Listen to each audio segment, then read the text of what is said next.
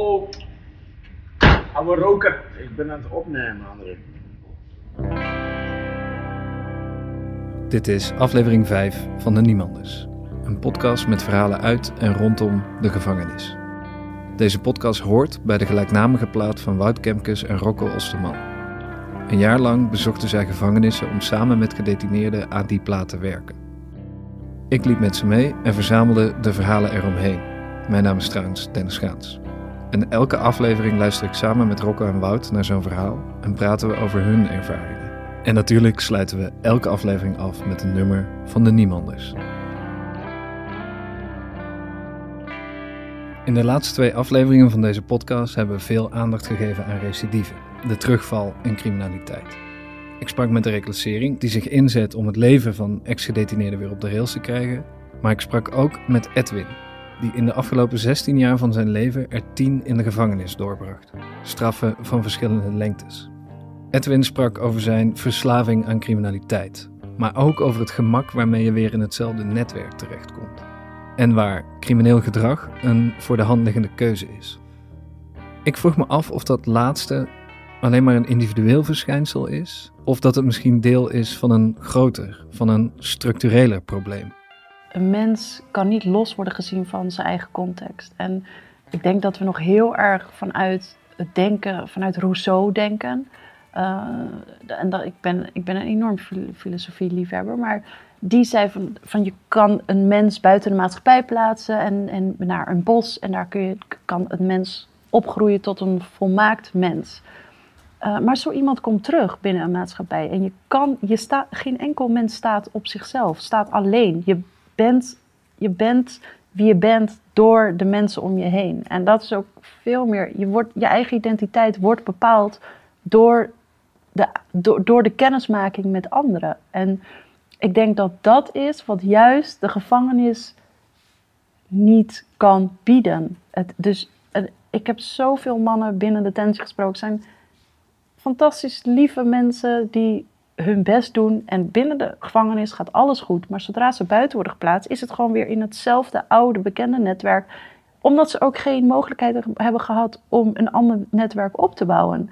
Dus waar moeten ze op terugvallen? Op hetzelfde netwerk dat ze al kennen. En dus ik denk, het is niet zozeer dat de, het gevangeniswezen iets verkeerds doet. Het is gewoon dat je kunt niet aan jezelf werken uh, binnen een bepaalde context en dan verwachten dat, dat je hetzelfde blijft binnen een nieuwe context. Dus dat zal doorlopend moeten zijn. Dit is Veronique.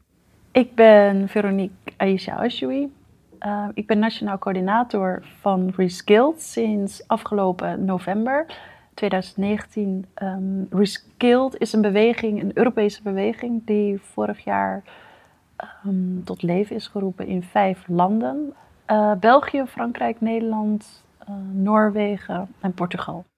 De Nederlandse afdeling van Rescaled zit in een klein kantoortje in Amsterdam en bestaat naast Veronique ook nog uit Elsbeth. Ik ben Elsbeth Bosma. Uh, ik ben sinds januari werkzaam bij Rescaled. Ik ondersteun Veronique in de werkzaamheden die zij doet. En samen zijn we bezig met projecten aan het opzetten om Rescaled meer bekend te maken in Nederland. En om onder andere alle relevante onderzoeken te verzamelen want wat is uh, Reskilled? Um, Reskilled is een beweging die alle gevangenissen wilt vervangen door kleinschalige detentiehuizen. Um, dus nu hebben we grote gevangenissen in, in eigenlijk vrijwel alle westerse landen en niet-westerse landen ook. Uh, en de het doel van de beweging Reskilled is kleinschalige detentiehuizen, dus zo rond tussen de 15 mensen tussen de 15 en 30 mensen per huis. En dat hangt af van, ehm, van de mensen die er zitten, van de wijk. Dat hangt van, af van allerlei factoren. Uh, en een kleinschalig detentiehuis verstaan wij onder dat het kleinschalig is, uh, een gedifferentieerd beveiligingsniveau, dus maatwerk leveren. En dat het echt in de maatschappij is, community-based. Hoe klein is kleinschalig? Kleinschalig kan zijn zes mensen, het kan zijn 15 mensen, het kunnen er 30 zijn. Dus het ligt echt, het ligt eraan de mensen, de doelgroep die er uiteindelijk komt te zitten. En dat verschilt of dat nou uh, mensen zijn met uh, complexe problematiek, of het zijn mensen die een, uh, slechts een maand eh, in detentie moeten zitten, dat, dat verschilt enorm. Het idee voor die kleinere detentiehuizen en dus voor Rescaled vond zijn oorsprong in die grote gevangenissen die we nu hebben.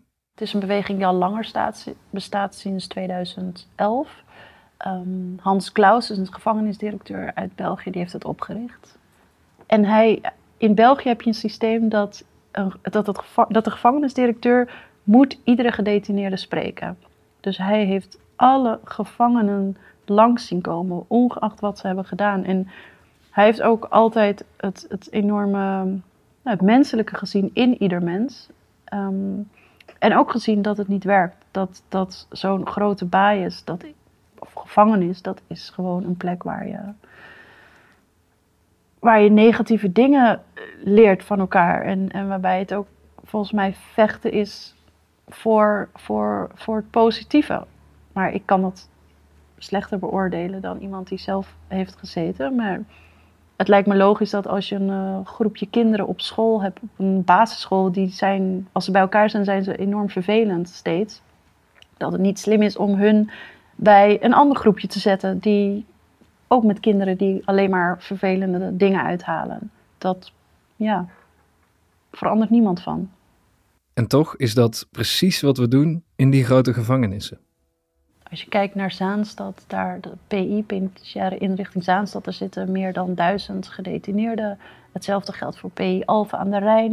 Uh, het zijn enorme instanties en je, je, de, de menselijkheid uh, vermindert daardoor. En ook het maatwerk dat je kan leveren. Dus en het is ook niet alleen maar dat je mensen wilt begeleiden uh, of helpen. Uh, dat is het niet alleen. Maar het zijn ook gewoon allemaal mensen die ook een bijdrage kunnen leveren aan de maatschappij. Ongeacht of ze uh, in detentie zitten of niet. En ook het contact met hun eigen netwerk kunnen blijven houden. Want nu is het zo dat 75% um, van de gedetineerden, van de mensen in detentie, zitten niet langer dan drie maanden. Dus zitten maximaal drie maanden in detentie. Dat betekent vaak dat ze wel hun werk kwijtraken, hun, hun huis. Uh, hun, het heeft gevolg voor hun netwerk.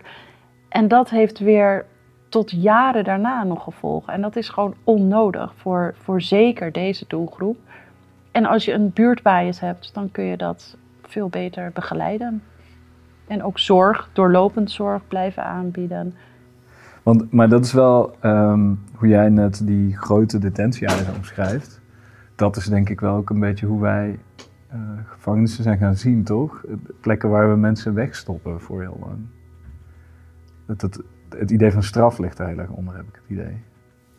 Ja, ik denk ook dat we um, daarin als burger zeg maar ook niet altijd even goed beeld hebben over wat detentie en gevangenis nou inhoudt. Want um, niet alle mensen die in detentie zitten, zitten natuurlijk voor 8 tot 16 jaar in, in detentie kan ook gaan om straffen van een aantal maanden. Ja. Maar inderdaad, als burger, zeg maar, als maatschappij, um, zien we gedetineerden wel ver, het liefst ver buiten de maatschappij. Dat zie je ook bij alle gevangenissen. Dat ze gewoon ver buiten de, de woonwijken zijn. En ja, ik denk dat het ooit, toen het is begonnen, uh, zo'n 200 jaar uh, geleden, is het wel met een heel duidelijk en een nobel doel uh, gestart. Um, echt met het idee van opvoedingskampen die je in Veenhuizen had, uh, waarbij mensen die het moeilijker hadden, werden, daar naartoe werden gebracht. En, en met het idee, we gaan ze heropvoeden. En, en nu is het natuurlijk heel erg um, paternalistisch, van, van alsof, alsof die mensen opnieuw opgevoed moesten worden. Um, maar het is wel een idee wat we hebben doorontwikkeld. En, als je leest over literatuur, Herman Franke heeft er een heel mooi boek over geschreven, 200 jaar gevangeniswezen in Nederland. En daarin zie je ook dat um, er was wel degelijk een idee van we gaan mensen ook begeleiden. En dat, dat je dat ook kon bieden. En niet uh, zomaar een hand afhakken of mensen verbannen, maar dat je ze ook nou ja, de, bijbelse uh, uh, waarden en normen bij kon brengen.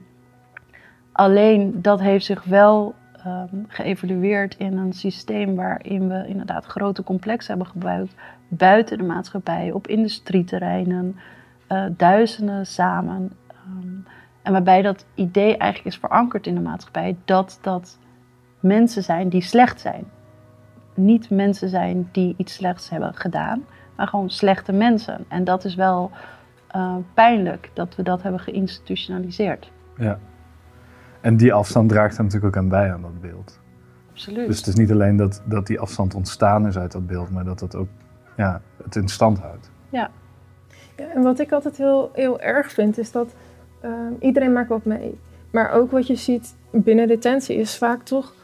ehm, mensen hebben niet zelf gekozen voor een opvoeding die ze hebben gehad. Dingen waar ze doorheen zijn gegaan. Dat maakt de daad die ze hebben gedaan niet goed. Dat, dat zegt ook niet dat er geen straf op moet volgen. Ehm, maar het blijven mensen. Ja. En op het moment dat je mensen wegstopt buiten de maatschappij... Zo iemand wil, die komt terug. En wie zegt dat er dan iets is gebeurd? Wil je zo iemand als buurman? Of wil je liever iemand als buurman die tijdens de detentie ehm, echt heeft kunnen werken aan zichzelf, maar ook samen met jou heeft kunnen werken aan zichzelf? En die dus eigenlijk ehm, op een positieve manier in de maatschappij staat. Ik denk dat iedereen een buurman wil die positief in de maatschappij staat. Maar ik vraag me af of mensen wel een handvol gevangenen als buurman willen. Zeker in zo'n stad als Amsterdam, waar ons gesprek plaatsvindt. Waar toch al zo weinig ruimte is. Moeten we die ruimte dan wel geven aan mensen die de wet hebben overtreden? Ik snap, ik snap het. Ik denk dat Amsterdam in die zin ook wel ehm, interessant is qua discussies überhaupt over huisvesting. Omdat dat voor iedereen moeilijk is. Zelfs voor kinderen die hier geboren worden. Dat die ook al geen rechten hebben eigenlijk om, om in de stad te wonen. Dus ik denk dat het zeker Amsterdam wat dat betreft vrij uniek is. Ehm, en, en ik denk, wij zien het ook niet zo dat vanuit Reskilled eh, de buurtwijzen allemaal in de, in de grote steden moeten zitten. Het kan net zo goed in een dorp zitten. We hebben iets van meer dan 300 gemeentes eh, in Nederland. Als je het vertaalt naar een buurtwijs, naar alle gedetineerden, dus zo'n 10.000 ehm, die, die op dit moment eh, in detentie zitten. Als je die vertaalt naar een buurtwijs, dan zou je een buurtwijs van zo'n 30 personen hebben. En dan zou iedere gemeente er één hebben. Dus ik denk, het hoeft ook niet zo dat ze in de binnenstad eh, een, een huis hoeft te staan. Maar daartegenover hoeft het ook niet ehm, helemaal op een industrieterrein te zitten... waar geen supermarkt in de buurt is, waar geen organisatie, wat dan ook in de buurt is. Dus het is, het is ehm, ja. En ik denk ook niet dat het een kwestie is van gunnen. Ik denk eerder dat het een kwestie is van ehm, het netwerk blijven behouden voor ieder persoon. Want het zijn ook mensen die terugkomen. We hebben nu in Nederland meer dan een half miljoen ex-gedetineerden. Dus het is ook heel naïef om te denken van oké, laat, ze maar, eh, laat ze maar stikken. Dit zijn gewoon, dit zijn al je buren, alleen je weet het gewoon nog niet. Ja. Dit zijn al familieleden, je weet het gewoon nog niet. Maar ik kan me ook voorstellen dat er wel een angst is voor mensen als ze denken er komt een buurtbias en dan ga ik boodschappen doen en dan loopt daar iemand die iets gedaan heeft. Dus juist ook dat onbekende eraan of zo. Ja, ik vind dat altijd een hele lastige vraag. Ik heb het er ook wel eens met vrienden over gehad. En dan, ja, maar dan kom ik iemand tegen of ik wil echt niet zo, zo iemand in mijn straat. Of, ehm, maar, en het geldt natuurlijk niet voor iedereen, maar hoeveel mensen zijn er die een fout hebben begaan en die daarna, die zelf enorm spijt hebben, die niet weten ehm, hoe ze dit ooit hebben kunnen doen. Ehm, en daarbij als je kijkt naar ehm, mensen die die fout hebben begaan. Het, het had ook je buurman kunnen zijn. Het had ook, het, jij had het kunnen zijn. Misschien had alleen maar de situatie hoeft, te hoeven verschillen waarin je opgegroeid bent. Of iets wat je mee hebt gemaakt.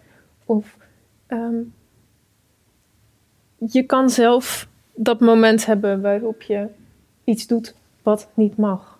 Ja. En ik denk dat Dus- veel angsten ook voortkomen uit onwetendheid. En ehm, de huizen, als wij de buurt bijen, als die echt worden gebouwd, en is het ook cruciaal dat je dat niet oplegt aan een buurt, maar een jaar van tevoren al in gesprek gaat met een buurt van oké, we zijn van plan een buurtbijes hier neer te gaan zetten. Eh, dit zijn de mensen die er komen. Dit is zo'n beetje de achtergrond. Dit is wat je kan verwachten. Dus echt in gesprek te gaan. En om die angsten ook zoveel mogelijk weg te nemen. Ehm, dat, dat is wel cruciaal. En dat is precies waar Reskilled zich voor inzet. Die bewustwording. We zijn in zekere zin eh, lobbyisten, we zijn campagnevoerders. ehm, Uh, we, zijn, we zijn assistenten van, van alles wat er al bestaat om dat te ondersteunen. Uh, dus ik zie het zelf als één grote campagne voor kleinschalige detentiehuizen. En wat we heel concreet doen is richten op een aantal um, doelgroepen. Dus dat is de wetenschap. Dus dat we echt onderzoeken uh, proberen te stimuleren richting kleinschalige detentiehuizen. Uh, bijvoorbeeld bij de vormen die er al bestaan. En uh, naar de kleinschalige voorziening van Amsterdam voor jeugd is een fantastisch onderzoek gedaan door Fleur Soeverein en nog een aantal collega's van haar. Uh, en de tweede doelgroep is de politiek. Dus we proberen uh, beleid te beïnvloeden op allerlei niveaus. Dus bij de Tweede Kamer, maar ook gemeenten. Um, dus echt alle beleidsmakers. Een andere doelgroep is de strafrechtketen. Dus iedereen binnen het strafrechtketen enorm breed, maar te informeren van wat zou het kunnen betekenen, wat is het concept, uh, hoe ziet het er nu uit, uh, hoe, hoe ziet een mogelijke implementatie van een huis eruit, wat voor gevolgen heeft dat voor de advocaten, rechters, al het gevangenispersoneel. En de laatste doelgroep, de vierde doelgroep, is heel breed. Dat is gewoon de maatschappij. We willen het naar het volk terugbrengen of brengen dat, dat we die ook proberen te informeren door inderdaad ergens als er een buurtbias komt of een kleinschalige voorziening, dat we buurten informeren wat het inhoudt. De gedachte dat het huidige systeem misschien niet houdbaar is, is helemaal niet zo'n nieuwe gedachte. De filosoof Michel Foucault hield zich hier al een halve eeuw geleden mee bezig. Foucault is juist gekomen met, met zijn uh, boek over misdaad en straf. Van het, het, is, het, het blijft barbaars. Het is misschien nog barbaarser om de mens te onttrekken uit zijn omgeving, uit alles wat hij uh, kent, um, weg te houden van zijn medemens, is, is dat niet het meest erge wat je een mens aan kan doen. Want we zijn in wezen allemaal sociale dieren.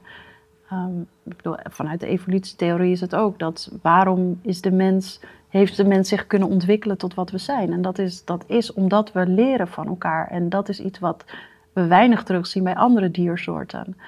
Uh, dus wat gebeurt er dan als je dat gegeven wegneemt bij de mens? En ook zijn autonomie, de, de, de mogelijkheid om zelf keuzes te kunnen maken. Was het niet veel menselijker om iemand te verbannen uit de stad?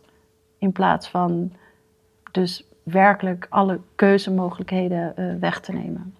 De vraag die Rescaled stelt is: is dat wegnemen van de keuzes, van de mogelijkheden van dat netwerk, wel waar we als samenleving voor willen staan. We hebben, we hebben de, de, de verlichtingsidealen, uh, dus vrijheid, gelijkheid en broederschap. En uh, wat me zo fascineert is dat we uh, vrijheid en gelijkheid heel erg hebben doorgevoerd in onze instituties, in ons, um, in, ons rechtssysteem um, en in, in, in de politiek ook. Maar eigenlijk dat concept van broederschap veel minder. Um, we hebben natuurlijk de, de rechten van de mens. Of, um, maar dat zijn allemaal ideaalbeelden, maar niet zozeer.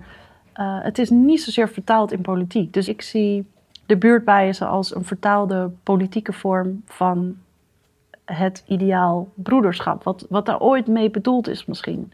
En aan die vertaling van dat ideaal naar de praktijk moeten we samen gaan werken. Ik denk, ik zie het zelf niet als een zwart-wit iets of als iets wat morgen geïmplementeerd moet worden. Juist niet. Ik denk dat het heel belangrijk is om al die kleine tussenstappen te zetten met elkaar. En eerst eens uit te gaan werken van hoe gaat dan zo'n buurtbias verankerd raken in een bepaalde buurt, uh, in een bepaalde gemeente. En wie gaat daar dan zitten? En dat zijn allemaal vragen die eerst beantwoord moeten worden voordat je überhaupt wilt dat de politiek beslist dat morgen alle gevangenissen dichtgaan en er alleen nog maar buurtbijzen moeten komen. Ik denk dus, er staat in principe niks in de weg. Het is meer dat je uh, samen beslist die, die zoektocht te gaan ondernemen of de, dat, ja, die reis te gaan maken. En, en die beslissing is denk ik wel cruciaal.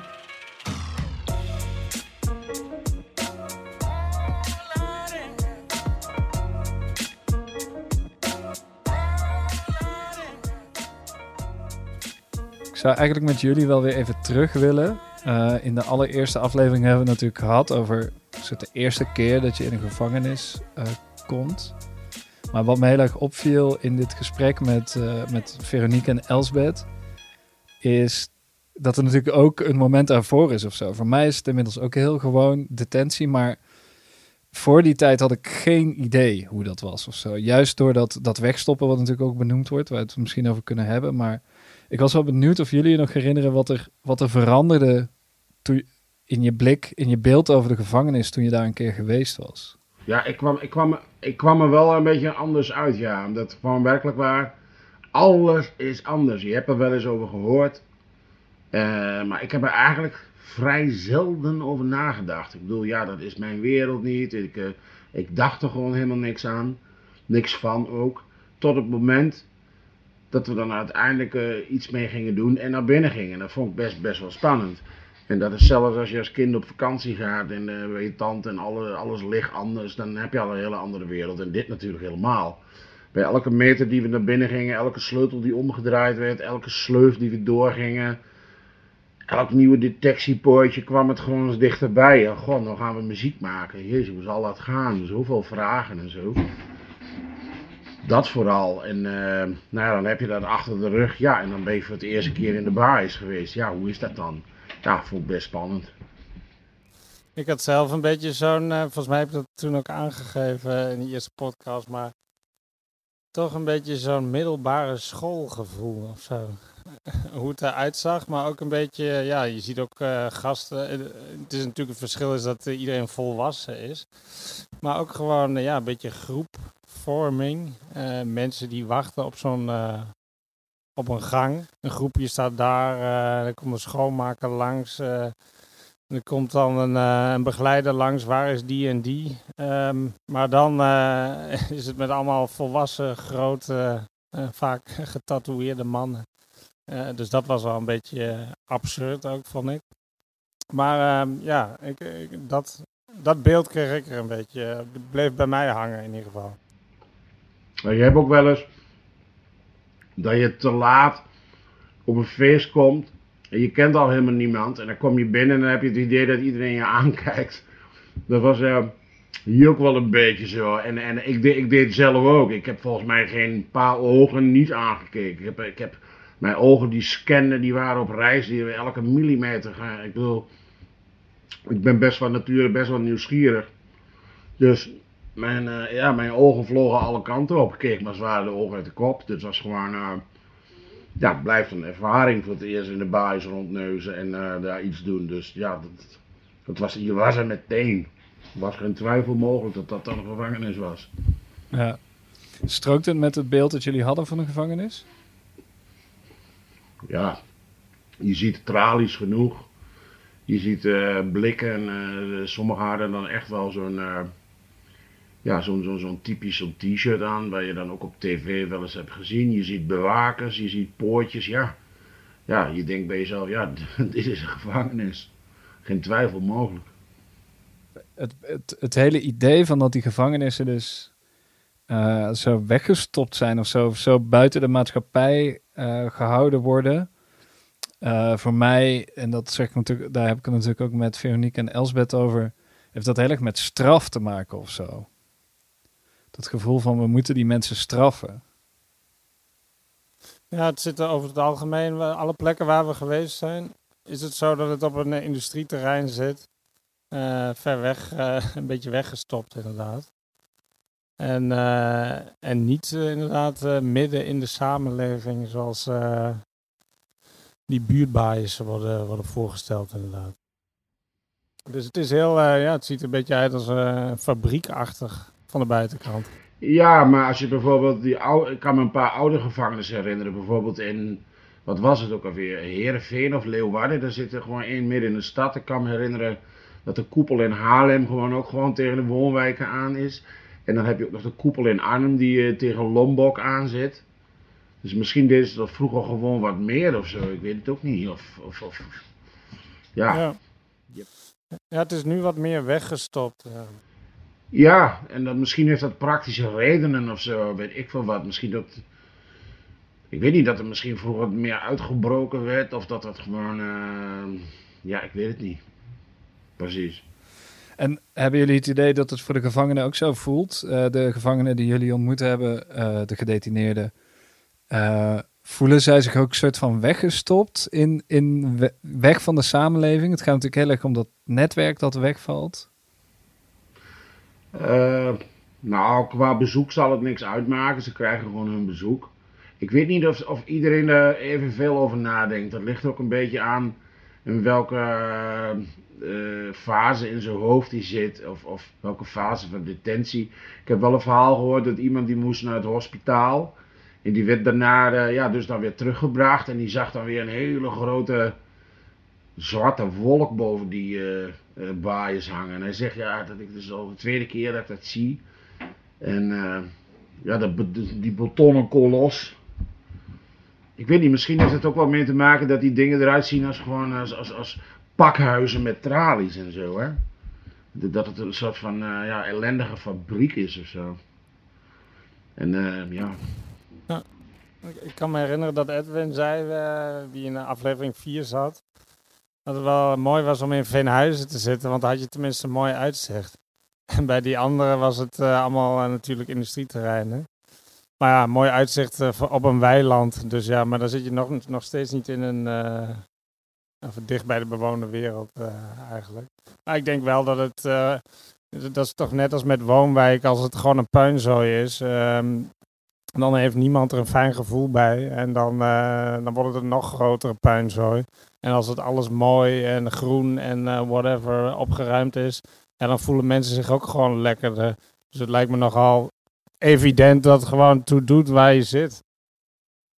En uh, ik denk een soort industriële omgeving lijkt me niet echt uh, bevorderlijk voor mensen. Nee, misschien niet, maar ik kan me ook niet voorstellen dat iedereen het prettig vindt dat, dat je vanuit je celraam allemaal moeders met kinderen ziet en blije kinderen en, en een jongen op een brommer en een auto zus en zo. En dat is toch ook een soort van confrontatie, dat die allemaal uh, ja, frank en vrij rondlopen, allemaal gewoon een kleine dagelijkse dingen doen waar, waar hun er niet eentje van uh, kunnen kopiëren, omdat ze een heel andere, uh, heel andere dagroutine hebben.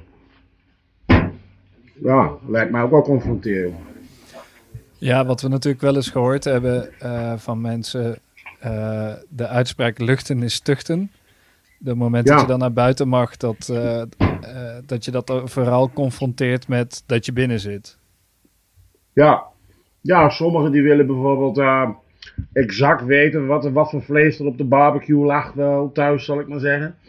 En die willen alles weten, die zijn bang om een contact te verliezen. En anderen, ja, die, die zetten zich in een heel andere soort van stenen modus. Zodat hun helemaal niks meer kan raken, maken verkeringen uit en uh, doen het op hun eigen houtje. Ik denk dat het per, van persoon tot uh, persoon verschilt. Ik bedoel, hoe zou jij het doen? Ik, snap je? Zo'n dingen, daar denk je eigenlijk nooit over na. Nee, dat is zeker wel interessant. En het doet me ook heel erg denken aan, aan die. Uh, kijk, bijvoorbeeld, uh, we hebben ook met een aantal mensen gewerkt die hebben een, uh, een ISD-maatregel. Dus als je heel vaak een stelselmatige dader bent, als je heel vaak de fout ingaat, dan krijg je een soort tweejarige straf. Of sta je twee jaar onder toezicht. En, uh, en dan zit je ook op een aparte afdeling. Dan mag je ook niet mixen met, uh, met andere gedetineerden eigenlijk. Want dat zeggen ze dan ook vanuit de overheid van ja, want dat heeft een slechte invloed uh, op mensen. Dus als je in de soort general population komt. En dat, dat is ook een straf die begint met een, ehm, dat je gewoon ingesloten zit. En op een gegeven moment kom je in een fase dat je overdag naar buiten gaat om bijvoorbeeld te werken. Of je krijgt zorg of gaat vrijwilligerswerk doen. En dat je dan s'nachts weer in de inrichting slaapt. En aan het einde van de straf is dat je gewoon uh, bijvoorbeeld begeleid gaat wonen. En dus dan kom je in een woonwijk of um, en dan heb je een, een trajectbegeleider. En dan, uh, en dan ga je hopelijk weer resocialiseren, integreren. En um, ja, kun je op een goede manier weer de maatschappij in. Dus volgens mij is eigenlijk een beetje hun boodschap: doe dat met elke gedetineerde. Uh, en ik denk alleen al dat het feit dat de overheid ook aangeeft dat speciaal voor die ISD-maatregel van ja, het is dan beter om niet te mixen met de andere gedetineerden, want dat is een slechte invloed. Ja, dat geeft ook al een beetje aan dat, uh, ja, dat iedereen wel weet dat het, eh, wat sommigen ook zeggen, een universiteit is voor eh, criminelen. Dus en dan is denk ik, andere contact is beter. Ja, hebben jullie mensen gezien voor wie het, wie het huidige systeem eigenlijk schadelijker was dan uh, zo'n buurtbias zou kunnen zijn? Of in andere, ja, mensen die er slechter uitkomen dan dat ze erin gaan? Ja, wel. Bijvoorbeeld een jongen die we de, de eerste keer spraken en vrij positief was en zo. En toen een jaar later weer. Die spraken we eigenlijk al toen we de eerste keer een concert deden in Arnhem. En die toen wel echt aangaf van ja, ik ben echt verhard. En ik uh, ook uh, een beetje gedemotiveerd, gedemoraliseerd. En als er wat gebeurt op de afdeling, dan ja, het zal allemaal wel. Terwijl die misschien eerst wel een soort van tussen zou springen. Um, ik denk dat mensen met een langere straf uh, er misschien wel wat harder uitkomen in veel gevallen. Maar het is ook weer heel individueel natuurlijk. En ik denk misschien mensen met een wat kortere straf. Ja, dan is misschien zo'n buurtbias goed, omdat je misschien niet uh, meer, meer handige trucs eh, leert op crimineel gebied. Doordat je netwerk eigenlijk crimineler wordt in een gevangenis. Want wat is het dan dat die verharding in de gevangenis volgens jullie veroorzaakt? Ja, omdat je gewoon. Uh, de, het zijn straffen binnen de straf, zei iemand wel eens een keer. En daar komt er gewoon soms op neer dat je gewoon daar binnenkomt. En uh, ja, niet iedereen is natuurlijk beroeps of is, uh, natuurlijk zitvlees. Maar dat, je wordt daar ook wel getreiterd. je wordt geïntimideerd. je leeft onder het juk van angst. er is heel veel ruzie dingen vallen tegen, beloftes vallen tegen. Ja, op een gegeven moment word je een beetje moe gebeukt, denk ik, of zo. En dan, ja, om je dan te, de, overeind te blijven, te beschermen, dan, uh, ja, dan uh, creëer je een soort van muur om je heen. En op een gegeven moment wil je ook niet meer dat je ja, alles maar constant meekrijgt, alle gezeik en zo. In de eerste aflevering kwam ook nog wel aan bod, of SK zei eigenlijk van ja, um, op een gegeven moment moet je je gewoon ook een beetje afsluiten. Uh, je zet toch een beetje een masker op. En ja, dat je, als je een masker opzet, dan ben je ook niet echt jezelf. En je bent dan ook niet echt met je eigen gevoel. En helemaal niet met het gevoel van anderen bezig. Dus um, ja, ik vraag me af of je empathischer wordt op zo'n plek. Maar het is ook wel weer zo, het is ook wel voor iedereen weer anders of zo. Dus uh, dat vind ik wel heel moeilijk aan, aan de bias. En ook met de verscheidenheid aan mensen maar waarmee we gewerkt hebben. Ja, het zou, zou eigenlijk zou er gewoon voor iedereen een, een apart programma op maat uh, gemaakt moeten worden. Denk ik, want uh, ook achtergronden zijn best wel verschillend en natuurlijk karakters ook. En je wordt natuurlijk allemaal een beetje bij elkaar samen in een pakketje ge, geperst. Ja, dus het is ook al nogal logisch dat dat niet ja, niet iedereen uh, dat uh, keurslijf past. Nee, ja, volgens mij is dat ook uh, wat, wat Rescaled aan het, onderzoek, aan het onderzoeken is. van hoe moet dat er dan uitzien? Wat kan, wat kan die buurtbias zijn? Ja, nou, ik vind wel, wat ik in Nederland altijd wel heel erg vind, is dat alles is heel erg gesegregeerd. Zo van, en ook heel heftig goed en kwaad. Uh, maar in feite, uh, alles loopt gewoon door elkaar heen. Uh, en ik vind niet dat je een soort van um, ghetto's moet gaan creëren. wat, of, of een bias helemaal ver weg stoppen, zodat inderdaad ineens niemand meer überhaupt aan denkt. Oh ja, ja, dat staat hier ook nog ergens. Ja, daar zitten dan wel een paar honderd mensen. Dus ik denk eigenlijk wel goed, uh, wat het dan misschien vroeger meer was, dat zo'n gevangenis midden in de stad uh, staat. Ja, is misschien niet eens slecht. Want ik vind als je dingen aan het oog onttrekt, ja, dan, dan is ook niemand er meer mee bezig of zo. Ja. En dan wordt het ook, dan heb je ook iets meer zo van. Uh, ja, dat geldt met alle groepen die in de verdrukking zitten. Van ja, dan moet je puur op het nieuws afgaan. En het nieuws is gewoon vrij over het algemeen redelijk sensatiebelust. of of ja, laat maar zeggen, de meest extreme gevallen, die krijgen de aandacht. En ik denk wel, als je meer gewoon ontmoeting hebt, dan, um, ja, dan zullen mensen toch sneller dat, dat menselijke aspect van, oh ja, het zijn ook mensen met andere kwaliteiten. Of, oh, die kan, uh, weet je wel, uh, die kan hier ook wel even hout hakken bij mij, ik noem maar wat. Dat, um, ja, ik denk dat het wel de situatie wat kan ontspannen of zo. Kijk, het kan eh, beide kanten op of zo. Dat als je in een buurtbaaiers zit, dan weet iedereen, oh, eh, da- daar staat die baaiers. En het moet niet een soort van middeleeuws tafereel worden. Dat iedereen dan even met zo'n halve snikker gaat kijken wie daar dan nu weer de buurt in komt gerold. Maar ik denk wel dat het gewoon als je een soort van, ehm, eh, ja, ja, hoe meer contact, dat doen wij ook eigenlijk, hoe beter denk ik. Als je, dus ook voor de gedetineerden was het heel verfrissend, zeiden ze tegen ons, om een keer iemand te spreken die eh, niet in de criminaliteit zit. Of, eh, of niet een bewaker is bijvoorbeeld, of niet eh, iets te maken heeft met hun ehm, eh, delict. Ehm, en ik denk dat, dat als je dat gewoon doortrekt naar eh, bijvoorbeeld de maatschappij en dat mensen eh, uit verschillende groepen en hoeken met elkaar in contact komen, dus ook met gedetineerden, ja, dan kom je ook nog eens een keer op een ander idee of zo. Ja. Dus dat, eh, dat zou ik wel toejuichen. En ik, ja, dat is in feite wat wij ook gedaan hebben natuurlijk. Ja, want ja, ja, ik ben wel benieuwd. Dat is natuurlijk het, inderdaad het idee om, om, de, om, om, om, die om het weer deel van de samenleving te maken. En ik was wel benieuwd inderdaad naar hoe jullie daarover dachten. Ja, nou, ik, vond, ik ben bijvoorbeeld opgegroeid naast een eh, AZC, asielzoekerscentrum. En ik vond dat eh, eigenlijk super ehm, tof en ook wel inspirerend. Eh, want als wij bijvoorbeeld dingen in ons dorp gingen doen of een festival of zo, weet je wel, dan hing je daar ook een briefje op van, hey, zitten hier muzikanten? Of eh, als we een keer wilden voetballen, we, daar hadden ze een voetbalveld en dan gingen we Nederland tegen de rest van de wereld doen.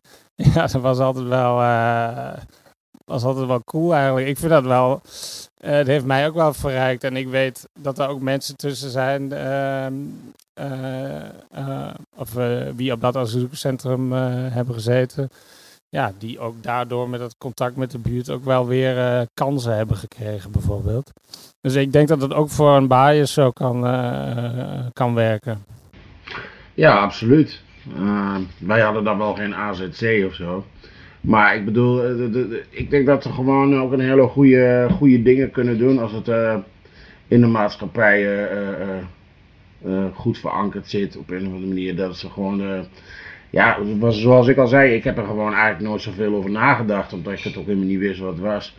Maar als je bijvoorbeeld naar zo'n Edwin kijkt, nu zo, die gewoon goede dingen wil doen. eh, ja, misschien kunnen doordat je het gewoon wat dichter bij elkaar brengt, komen ze misschien daar ook wel eens op betere ideeën.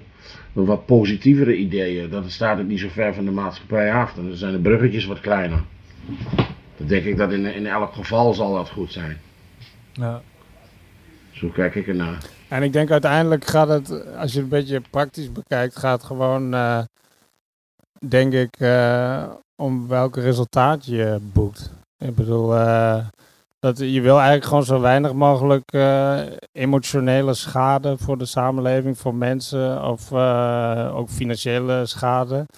En, ehm, en volgens mij is het zo dat ja, je hebt bijvoorbeeld ook dat gevangeniseiland in Noorwegen, waar de recidive bijvoorbeeld heel laag is.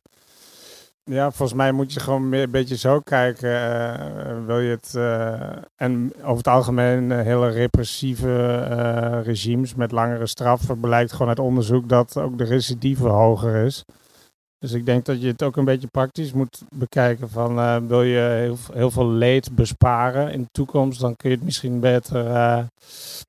ja, allemaal wat. misschien wat softer aanpakken of zo. Ja, het, het, het, ligt er ook altijd. Ja, ik vind het zelf wel heel goed. Lekker dichtbij, wat ik zeg wel. wel. En eh, misschien komen er dan ook initiatieven uit de wijk. Eh, misschien eh, lopen er wel meer mensen rond die denken, eh, die een soort van invoelzaam worden en denken, misschien kan ik iets positiefs voor hun doen. Eh, initiatieven. Ik denk gewoon, eh weet je, een gevangenis hoort er gewoon ook gewoon bij. Het blijven mensen. Maar ja, mensen willen vaak ook gewoon, of de maatschappij wil vaak problemen wegstoppen. Net zoals ze gewoon niet over eh, ja, probleemwijken willen nadenken. Voor een hele hoop mensen is gewoon een heel groot deel van het, van het leven is een soort van ver van de bedshow. Dus ze kijken liever Netflix of weet ik veel wat van dingen eh, waarmee ze allemaal op een moderne manier aan het struisvogelen zijn. Maar het hoort er gewoon wel bij. En die mensen komen allemaal een keer vrij. Dus ja, als je op een of andere manier iets positiefs wil doen, dan moet je ze er ook bij betrekken. Dus ik, ik- ja, ik ben, er is er helemaal zo'n contacttheorie, hè? terwijl, eh, ja, dat is eigenlijk heel logisch. Maar gewoon als mensen met elkaar in gesprek raken, oh ja, dan is er in één keer begrip. Ja, dan is, eh, of, of, dan, uh, of dan zie je ook in één keer de andere kant. Dat is natuurlijk super logisch. En ik denk, uh, ja, dus met alle gemarginaliseerde groepen, ik bedoel, het moet gewoon, ge, ik denk, hoe meer er gemixt wordt, hoe beter. En het is ook wel inderdaad zo, jij zei het al, Netflix of iedereen zit op Facebook of zo te kijken. Laatst zei iemand ook, of het was een column geloof ik of zo. Kijk eens gewoon iets meer uit je raam. Of uh, uh, maak een wandeling door je wijk. Uh, in plaats van gewoon als je van je werk terugkomt gelijk in je bunker te kruipen. En al het, de rest van de wereld te volgen via de social media of tv of whatever. Dus het, is, het heeft ook, uh, ja, uh, dat is ook een instelling van mensen zelf. Een beetje, ga er een beetje op uit. Wees nieuwsgierig, maak contact. Uh, ik bedoel, ja, dat zal toch een beetje iedereen moeten doen. Dus ik juich dat wel toe. We, we hadden het net al een beetje over die verschillende soorten mensen die anders ermee omgaan dat ze opgesloten zitten. jullie hebben voor deze aflevering I Won't Break uitgekozen. Nou ja, I Won't Break dat gaat eigenlijk, dat is een, van de manieren hoe je detentie kan beleven. Hij is gewoon, uh, hij vindt dat hij uh, ten onrechte veroordeeld is. Hij vindt uh, een beetje dat het, ja, we hebben wel eens gehoord van een gedetineerde dat ze, dat, dat, dat ze een soort van, het Openbaar Ministerie een soort van papieren werkelijkheid maakte. Dat vond hij. En in dit geval, de, de schrijver van deze tekst vond dat ook. Hij vond gewoon dat hij niet een, een, een fair proces kreeg. Maar op een of andere manier had hij ook zo'n houding van ja, maar hoe dan ook, haal ik alles tegen. En als jullie, als zitten jullie me op de sarren, I won't break. Ik ga hier gewoon niet onderdoor. Ik zal hier sterker uitkomen. Dus dat is wel een beetje een, uh, hoe zou ik het zeggen? Ja, een sterke jongen. En die, uh, ja, die, uh, ja, die heb je daar natuurlijk ook. Er zijn er ook genoeg wie een tekst zouden hebben kunnen schrijven, I will break. Maar in dit geval was dat dan niet zo. Ja, en wel heel erg soort van uh, hij versus het systeem. Zo van, uh, denk maar niet, uh, overheid, dat jullie mij klein gaan krijgen. Want ik zit gewoon, ehm, weet je wel, in die tekst zit ook van, eh, ik verander in een steen.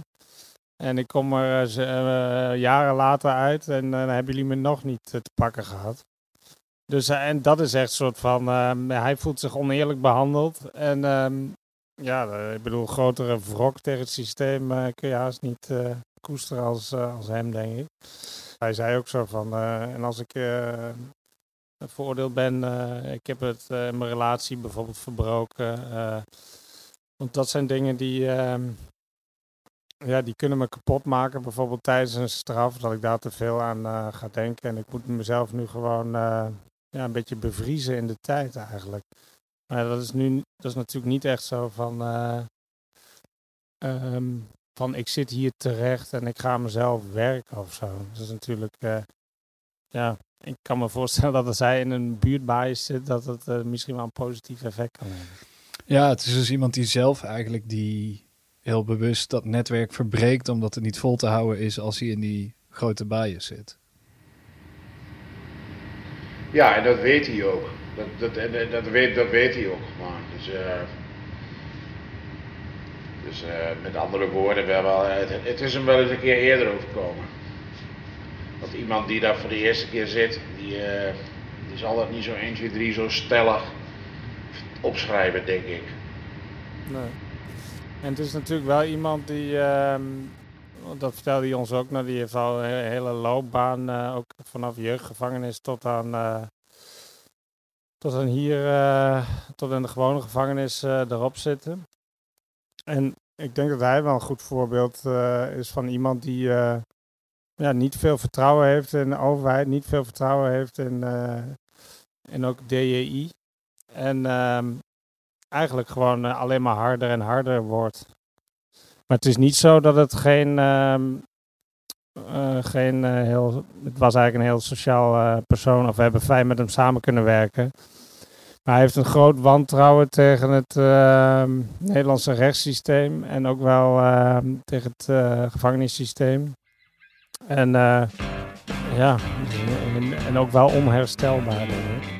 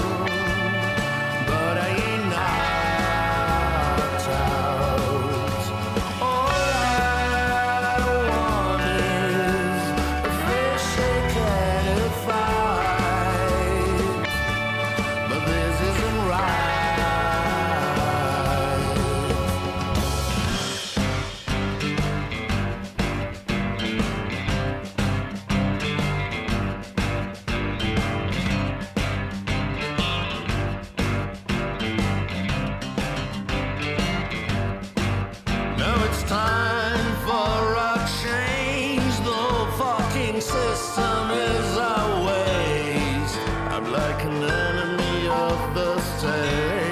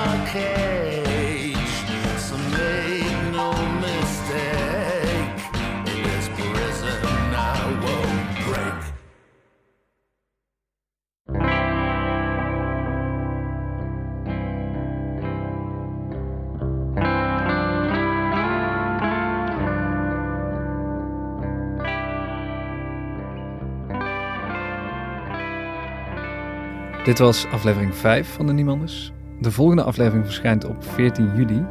En normaal vertel ik dan hier even met wie ik ga praten en laat een stukje uit het interview horen.